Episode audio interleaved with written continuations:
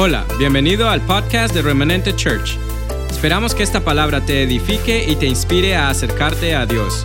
Disfruta el mensaje. Amén. Oraba en esta tarde, en, esta semana, oraba en esta semana y le pedí al Señor, Señor, ¿qué está en tu corazón para tu pueblo? ¿Qué palabra está en tu corazón para tu pueblo en este tiempo, en estos días? Yo les abro mi corazón y creo que hay hombres de negocios allá afuera que necesitan escuchar esto. Eh, todos, como muchas personas ya lo saben, como familia nosotros tenemos un negocio, un restaurante. Y lógicamente las cosas en el estado de Virginia y en todas partes del mundo han cambiado. Hay lugares donde los restaurantes han cerrado por completo. Hay otros lugares donde solamente les permiten hacer órdenes para llevar o deliveries y no les permiten que nadie entre al edificio. Donde nosotros estamos, nos permiten tener solamente 10 personas dentro del edificio. O sea, nos han limitado al máximo. Entonces ir a trabajar y presentarse al trabajo y llegar allí y ver que estamos tan limitados y encontrar esos cambios tan drásticos y tan fuertes, te golpean. Y en esto les quiero abrir mi corazón. He tenido días difíciles.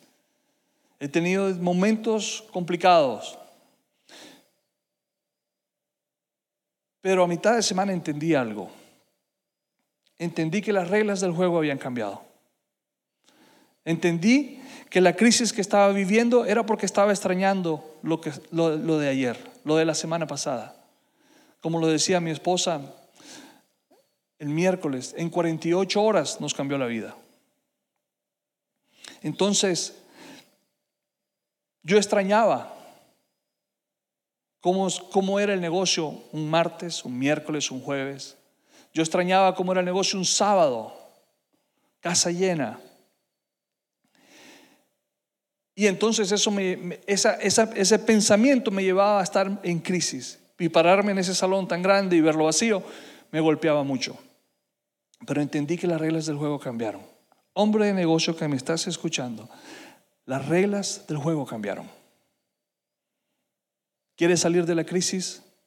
Tómate un tiempo, siéntate, reflexiona en lo que estás viviendo ahorita.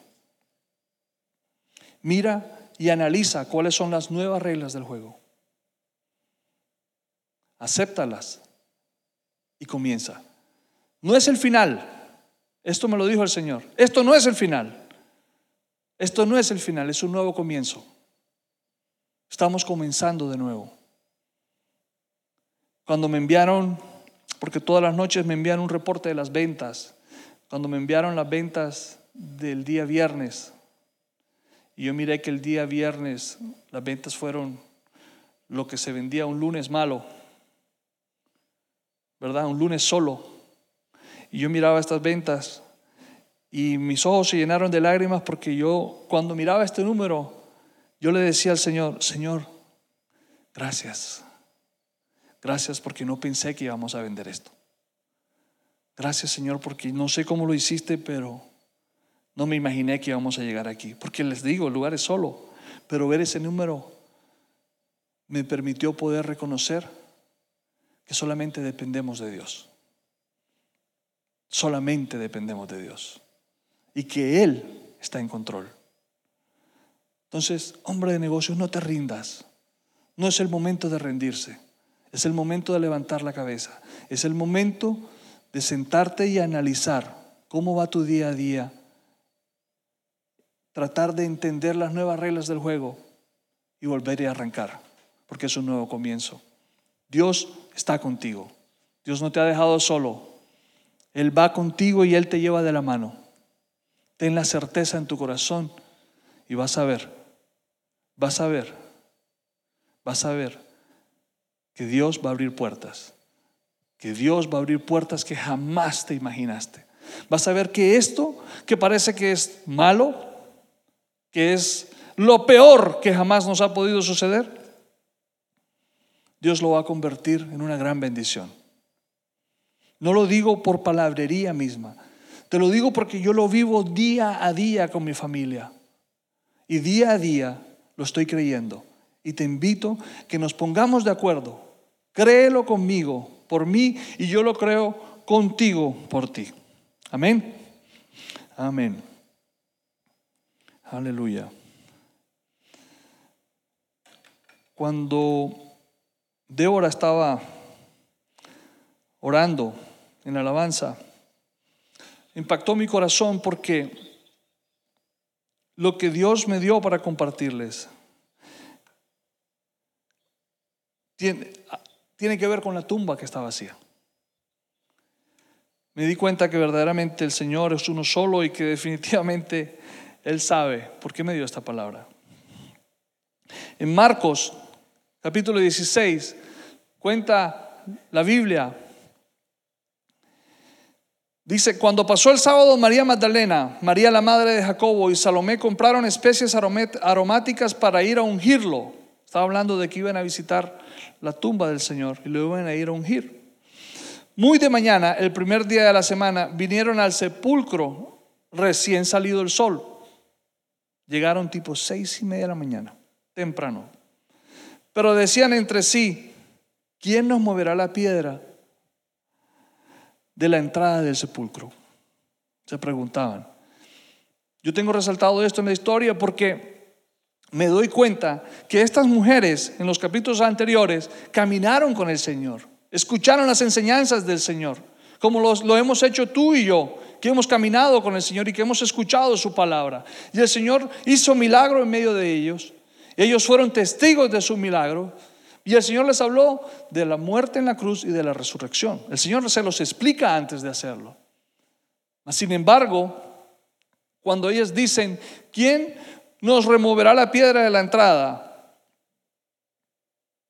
Y cuando ellas van a visitar la, tumba, me demuestran que no habían creído en la resurrección. Iban a visitar un muerto como tal.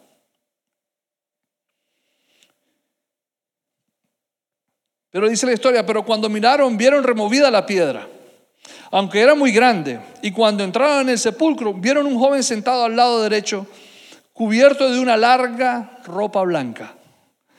Y se asustaron. Pero él les dijo, no os asustéis, no se asusten. ¿Están buscando al Nazareno, a Jesús, el Nazareno? El que fue crucificado. Yo me las imagino a ellas atónitas, ¿no? Yo no creo que ni contestaron.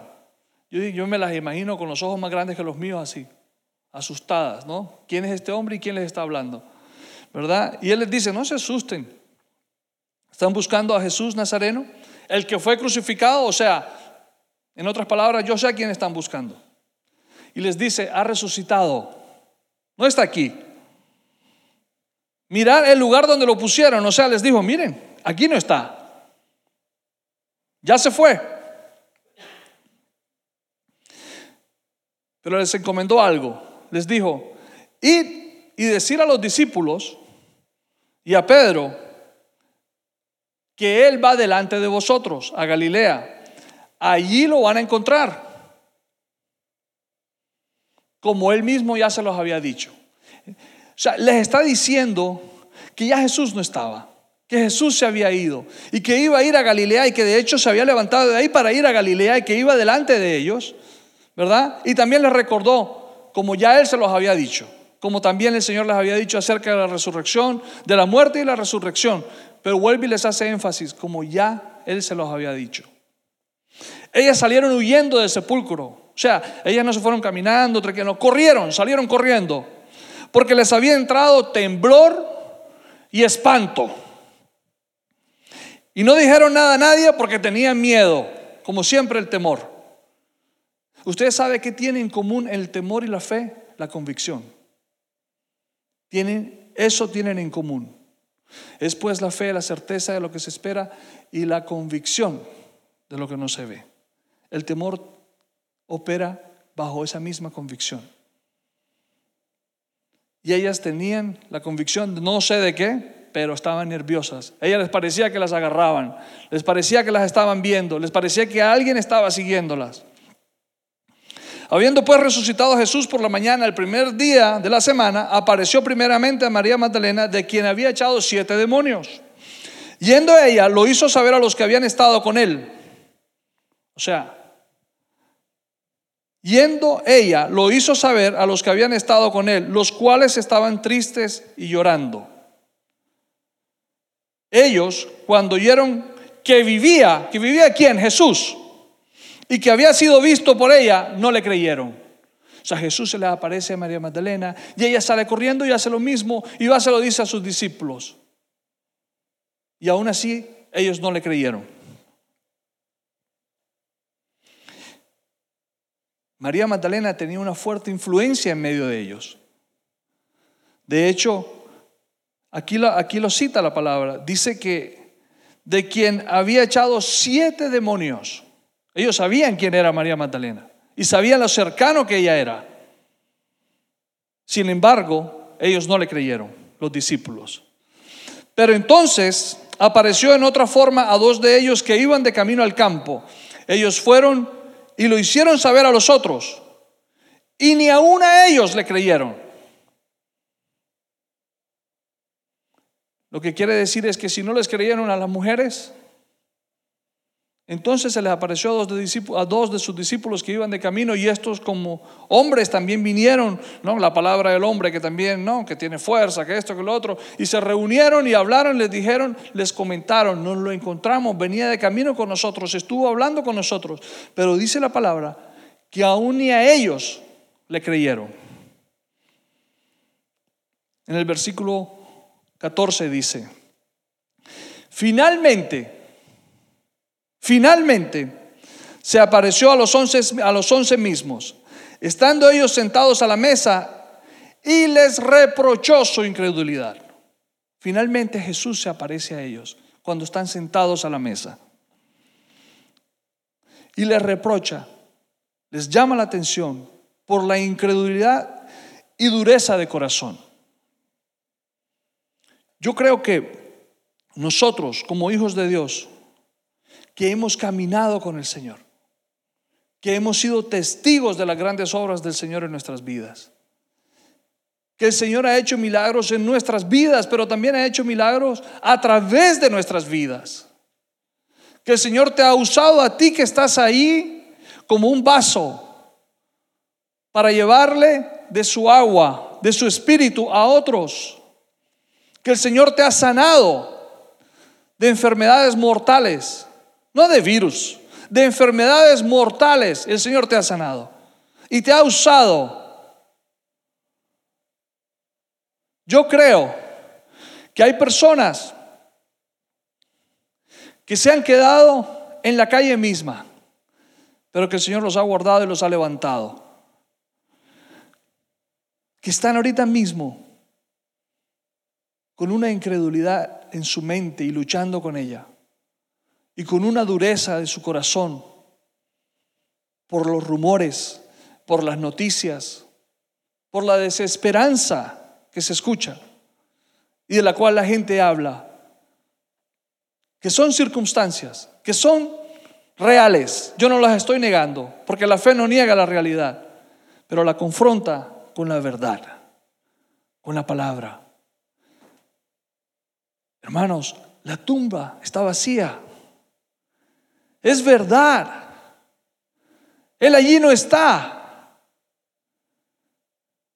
Él murió por ti y por mí. Él resucitó. Él es la resurrección misma.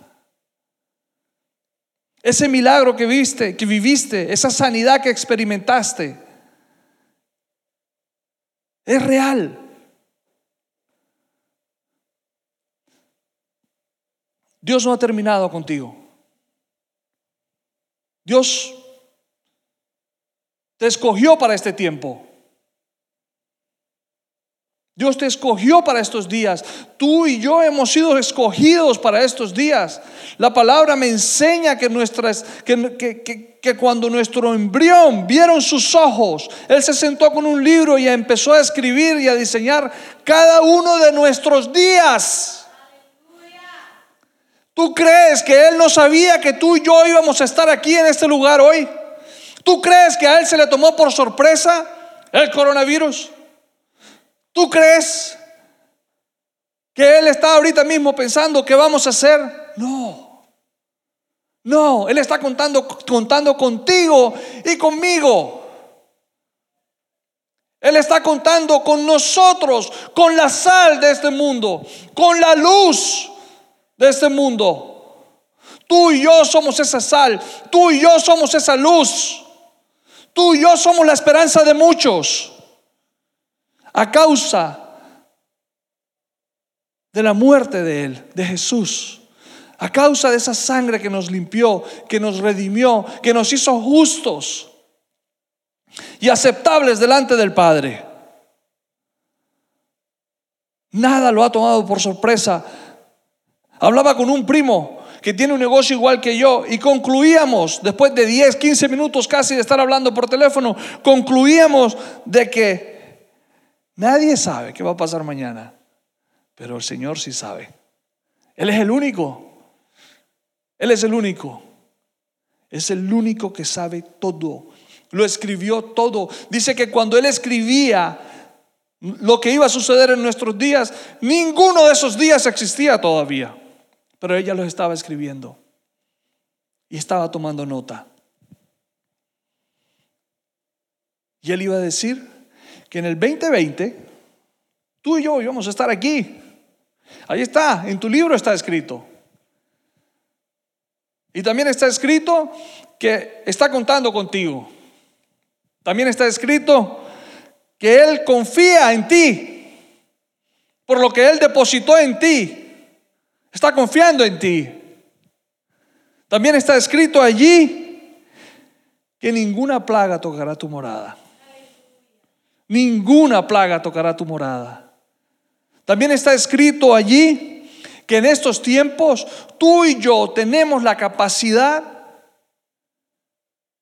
de vivir y poner por obra su palabra y creer en esa bendita Pascua.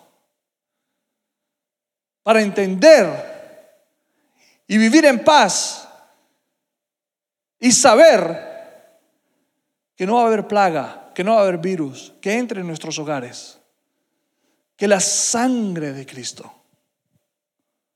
no solamente ha marcado los dinteles de la puerta, sino que te ha limpiado y te ha lavado a ti y a mí de todo pecado y nos ha hecho justos delante de Él.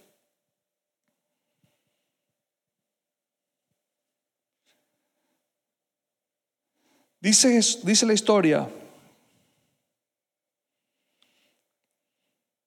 que la razón por la que Él les reprocha la incredulidad y la dureza del corazón en ese instante era porque no habían creído a los que ya lo habían visto resucitado.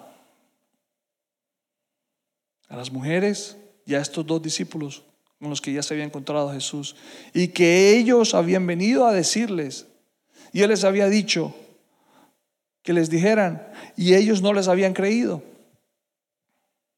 Pero ¿saben qué es lo lindo de esto? El Señor nos conoce y nos conoce bien. Él discierne los pensamientos y las intenciones de nuestro corazón.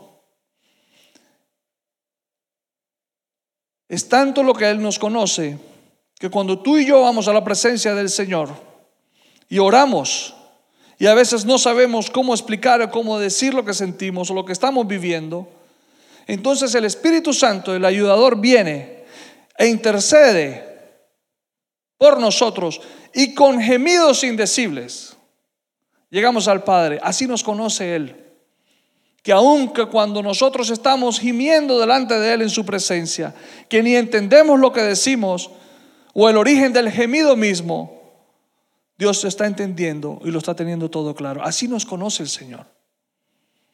Entonces, el que tú y yo hayamos tenido momentos de crisis, el que tú y yo hayamos tenido momentos difíciles en esta semana, en el que tú y yo de pronto hayamos en un momento dado dudado, dudado de cómo será mi mañana, de cómo será mi tarde, de cómo será mi noche, no quiere decir estamos descalificados.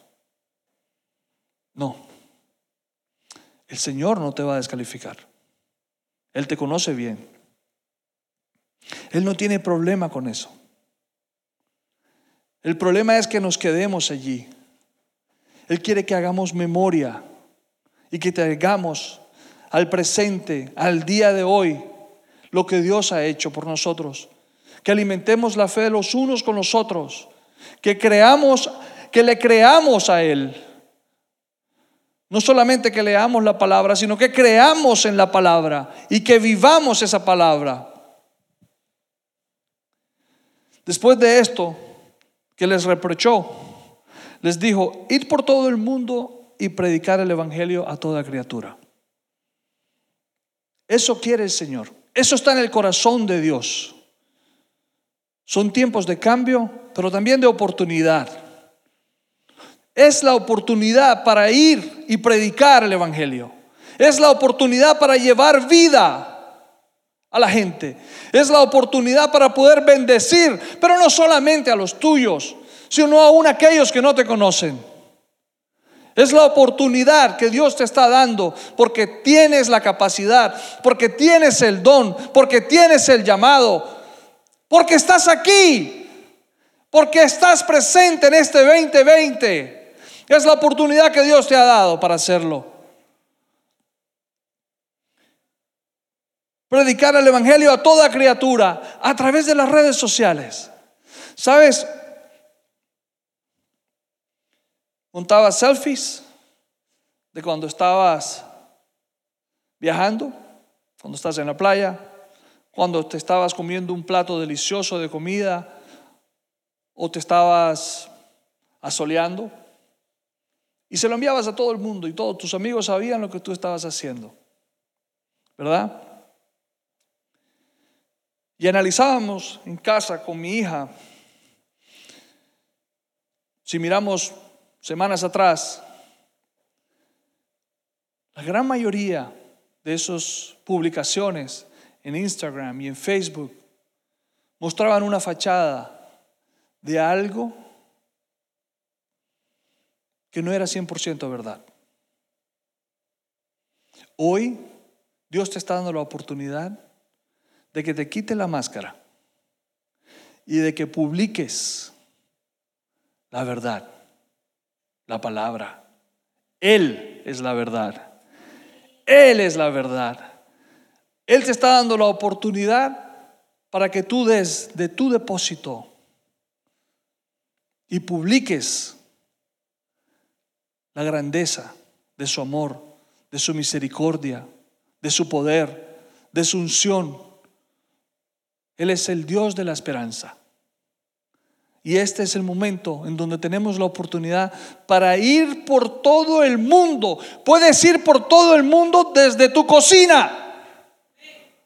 Puedes ir por todo el mundo desde la puerta de tu casa. Ir por todo el mundo y predicar el Evangelio. Porque la tumba está vacía.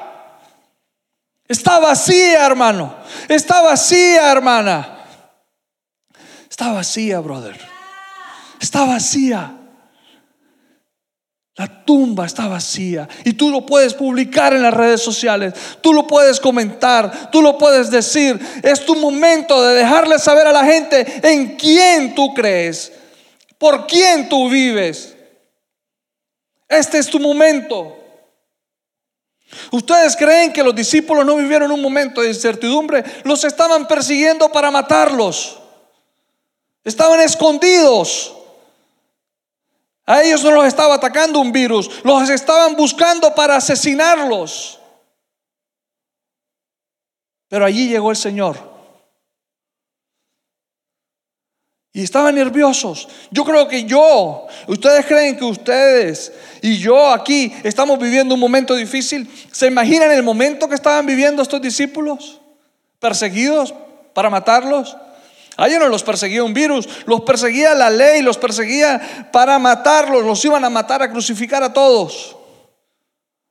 El temor los había invadido y la incredulidad se había apoderado de ellos y ya su corazón se había endurecido.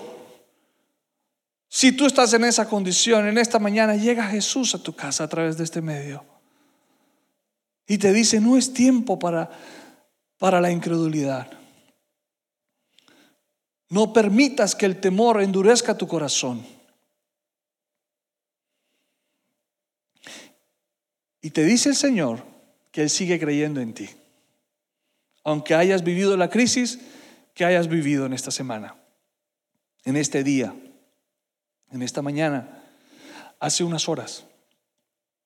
Él sigue creyendo en ti, porque te dice, id por todo el mundo y predicar el Evangelio. Esa es una muestra de que Él cree en ti y confía en ti.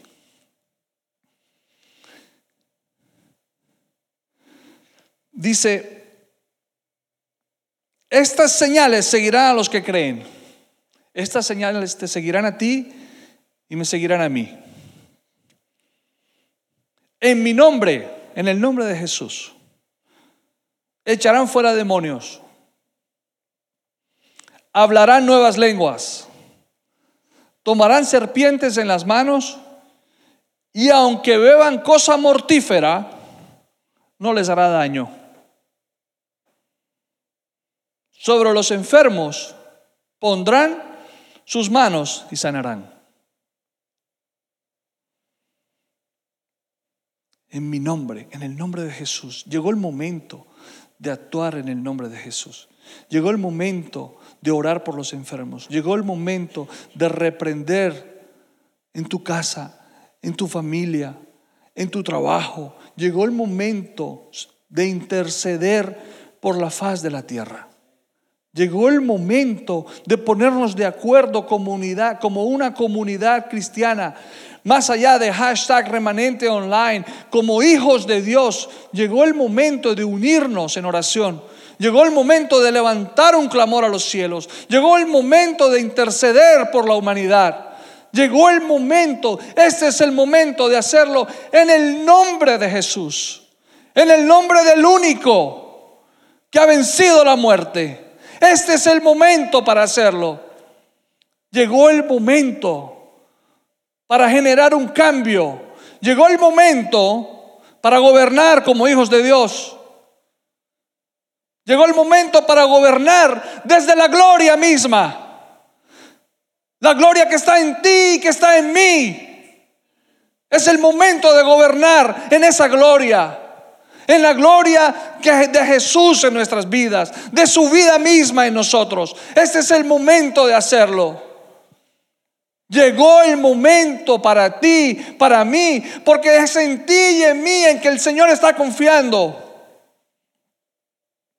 Es en ti y en mí, en quien el Señor ha depositado la medicina para la tierra en estos momentos.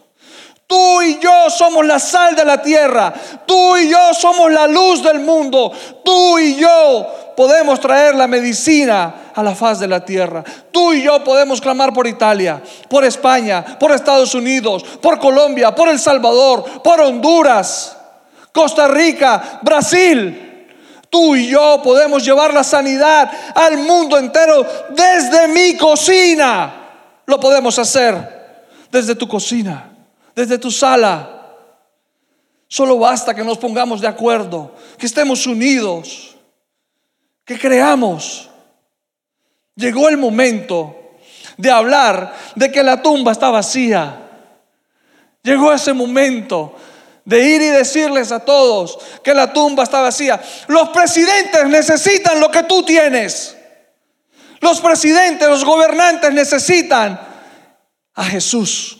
Necesitan saber que la tumba está vacía.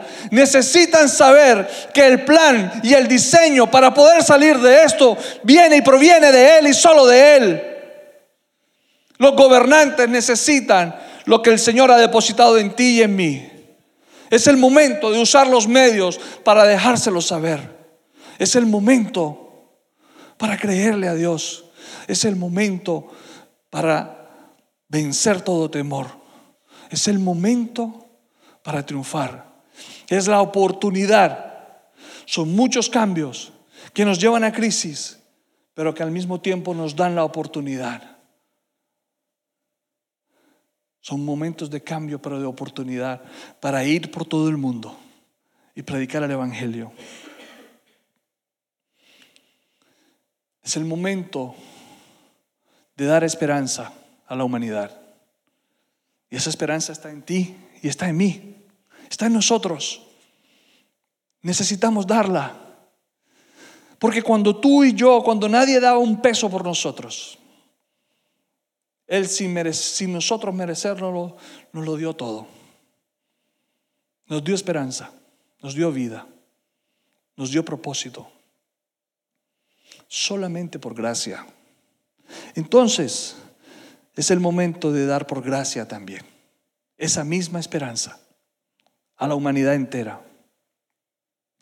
Y el Señor después que les habló, fue recibido arriba en el cielo y se sentó a la diestra de Dios Padre. Pero me gusta el, el verso 20 que dice, ellos, o sea, los discípulos, saliendo, predicaron en todas partes. De pronto no nos dejan salir de la casa como queremos. Pero no quiere decir que el Señor no haya creado ya el medio para que tú vayas a predicar a todas partes. Este medio por el cual nos estamos comunicando. El Señor dio la provisión para hoy. Y este medio lo vamos a usar para hacer lo que hicieron ellos. Predicaron en todas partes. Es el momento de predicar en todas partes. Pero también dice, ayudándoles el Señor y confirmando la palabra con las señales que les acompañaban. Quiero decirte estamos a las puertas de ver y experimentar milagros. Estamos a las puertas de ver milagros y de un avivamiento cual no lo habíamos imaginado nunca. Joven que estás viéndome, joven que estás escuchando esto, joven que dominas las redes sociales con tu mano izquierda y tomándote un café en la derecha o una soda y viendo televisión a la vez. Joven, que eres capaz de hacer eso. Es el momento para que tú pongas esa destreza al servicio del Señor. Es el momento para que tú hagas tu parte también. Porque no hay nada mejor que esos mensajes que ustedes saben colocar. No hay nada mejor. Esa manera como ustedes lo saben hacer. Está sobre ti, joven, la unción para bendecir la humanidad.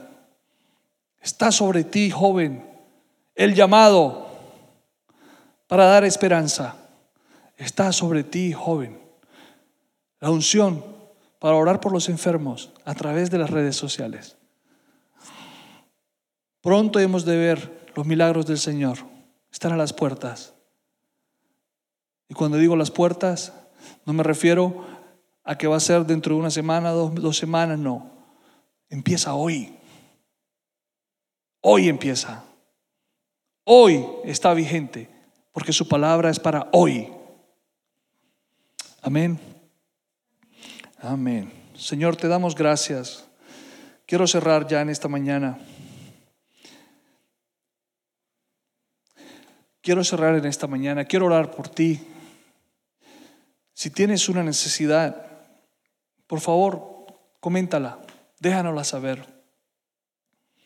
Abre tu corazón comparte. Es, Sabes que mantenernos en unidad no solamente tiene que ver con mostrarnos fuertes y mostrarnos que somos capaces, también tiene que ver con mostrar la sensibilidad de lo que tú estás viviendo. También tiene que ver con tener la humildad para reconocer esos momentos difíciles, porque somos humanos. Tiene que ver con ser creíbles. Comparte, deja saber qué necesidad tienes, que queremos orar por ti. Déjale saber a tu hermano que puedes orar por él también. Tú y yo hemos nacido para vencer. Tú y yo hemos nacido para vencer. El Señor no nos trajo hasta aquí para dejarnos aquí. El Señor nos trajo hasta aquí para demostrarnos que Él es el que está en control y que Él va a vencer por ti y por mí.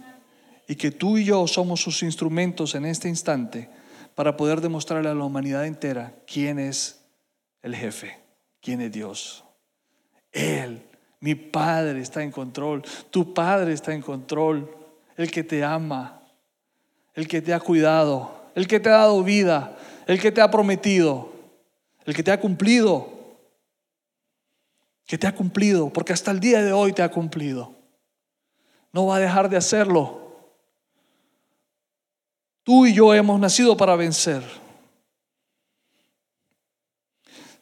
En Lucas 10, 19 dice, les he dado autoridad a ustedes para pisotear serpientes y escorpiones y vencer todo el poder del enemigo. Nada les podrá hacer daño. Nada te va a hacer daño. Ten paz. Somos la generación escogida para estos tiempos. Somos la generación que Dios escogió para estar aquí hoy. Y yo Cuando lo pienso de esa manera y lo miro así, es un privilegio que el Señor haya confiado tanto en nosotros. Honrémosle, honremos esa confianza que ha tenido Él en nosotros. Y dispongamos nuestro corazón primeramente para poder servirle y para poder demostrarle a Él que valió la pena que confiara en nosotros. Padre, en el nombre de Jesús. Yo te doy gracias por tu bendita palabra, Señor. Yo te doy gracias, Señor, por estos tiempos de tantos cambios. Yo te doy gracias, Señor, porque en medio de ellos tú nos das la oportunidad para ir por todo el mundo y predicar el Evangelio. Para ir por todo el mundo y llevar esperanza. Para ir por todo el mundo y orar por los enfermos y ver a los enfermos sanar. Te doy gracias, Señor, y yo declaro en esta hora, mi Dios, que eres tú llegando, Señor, a los corazones, que eres tú llegando a esos hogares, que eres tú entronándote no solamente en esos corazones, sino en esos hogares y tomando el control total y absoluto. Pronto hemos de escuchar buenas noticias, Señor. Pronto hemos de escuchar buenas nuevas como las que hemos escuchado en esta mañana. Y pronto es hoy, pronto es ahora pronto es en este instante, Señor, porque así, obras tú, mi Dios. Porque mientras yo estoy hablando tu palabra, tu palabra está siendo puesta por obra de inmediato, Señor. Yo oro en esta hora, Señor, por sanidad, mi Dios. Yo oro en esta hora, Señor, por tu protección. Yo oro en esta hora, Señor, por de nuevo para predicar tu palabra, para enseñar tu palabra. Yo oro, Señor, por un incremento de fe, mi Dios, en esta hora. Yo oro, mi Dios, porque la gente y todos nos, pongamos, podamos disponer nuestro corazón, Señor, para ser usados por ti, Señor. Permítenos ser instrumento en tus manos, Señor. Permítenos, Señor, con de nuevo tu palabra. Permítenos, Señor, llevar esperanza. Permítenos, Señor, en el nombre de Jesús, poder ser verdaderamente tus hijos, Señor. Gracias, Padre. Te bendigo, iglesia. Esperamos que este mensaje haya sido de bendición. No te olvides de suscribirte a nuestro podcast y seguirnos en Facebook e Instagram arroba remanente church.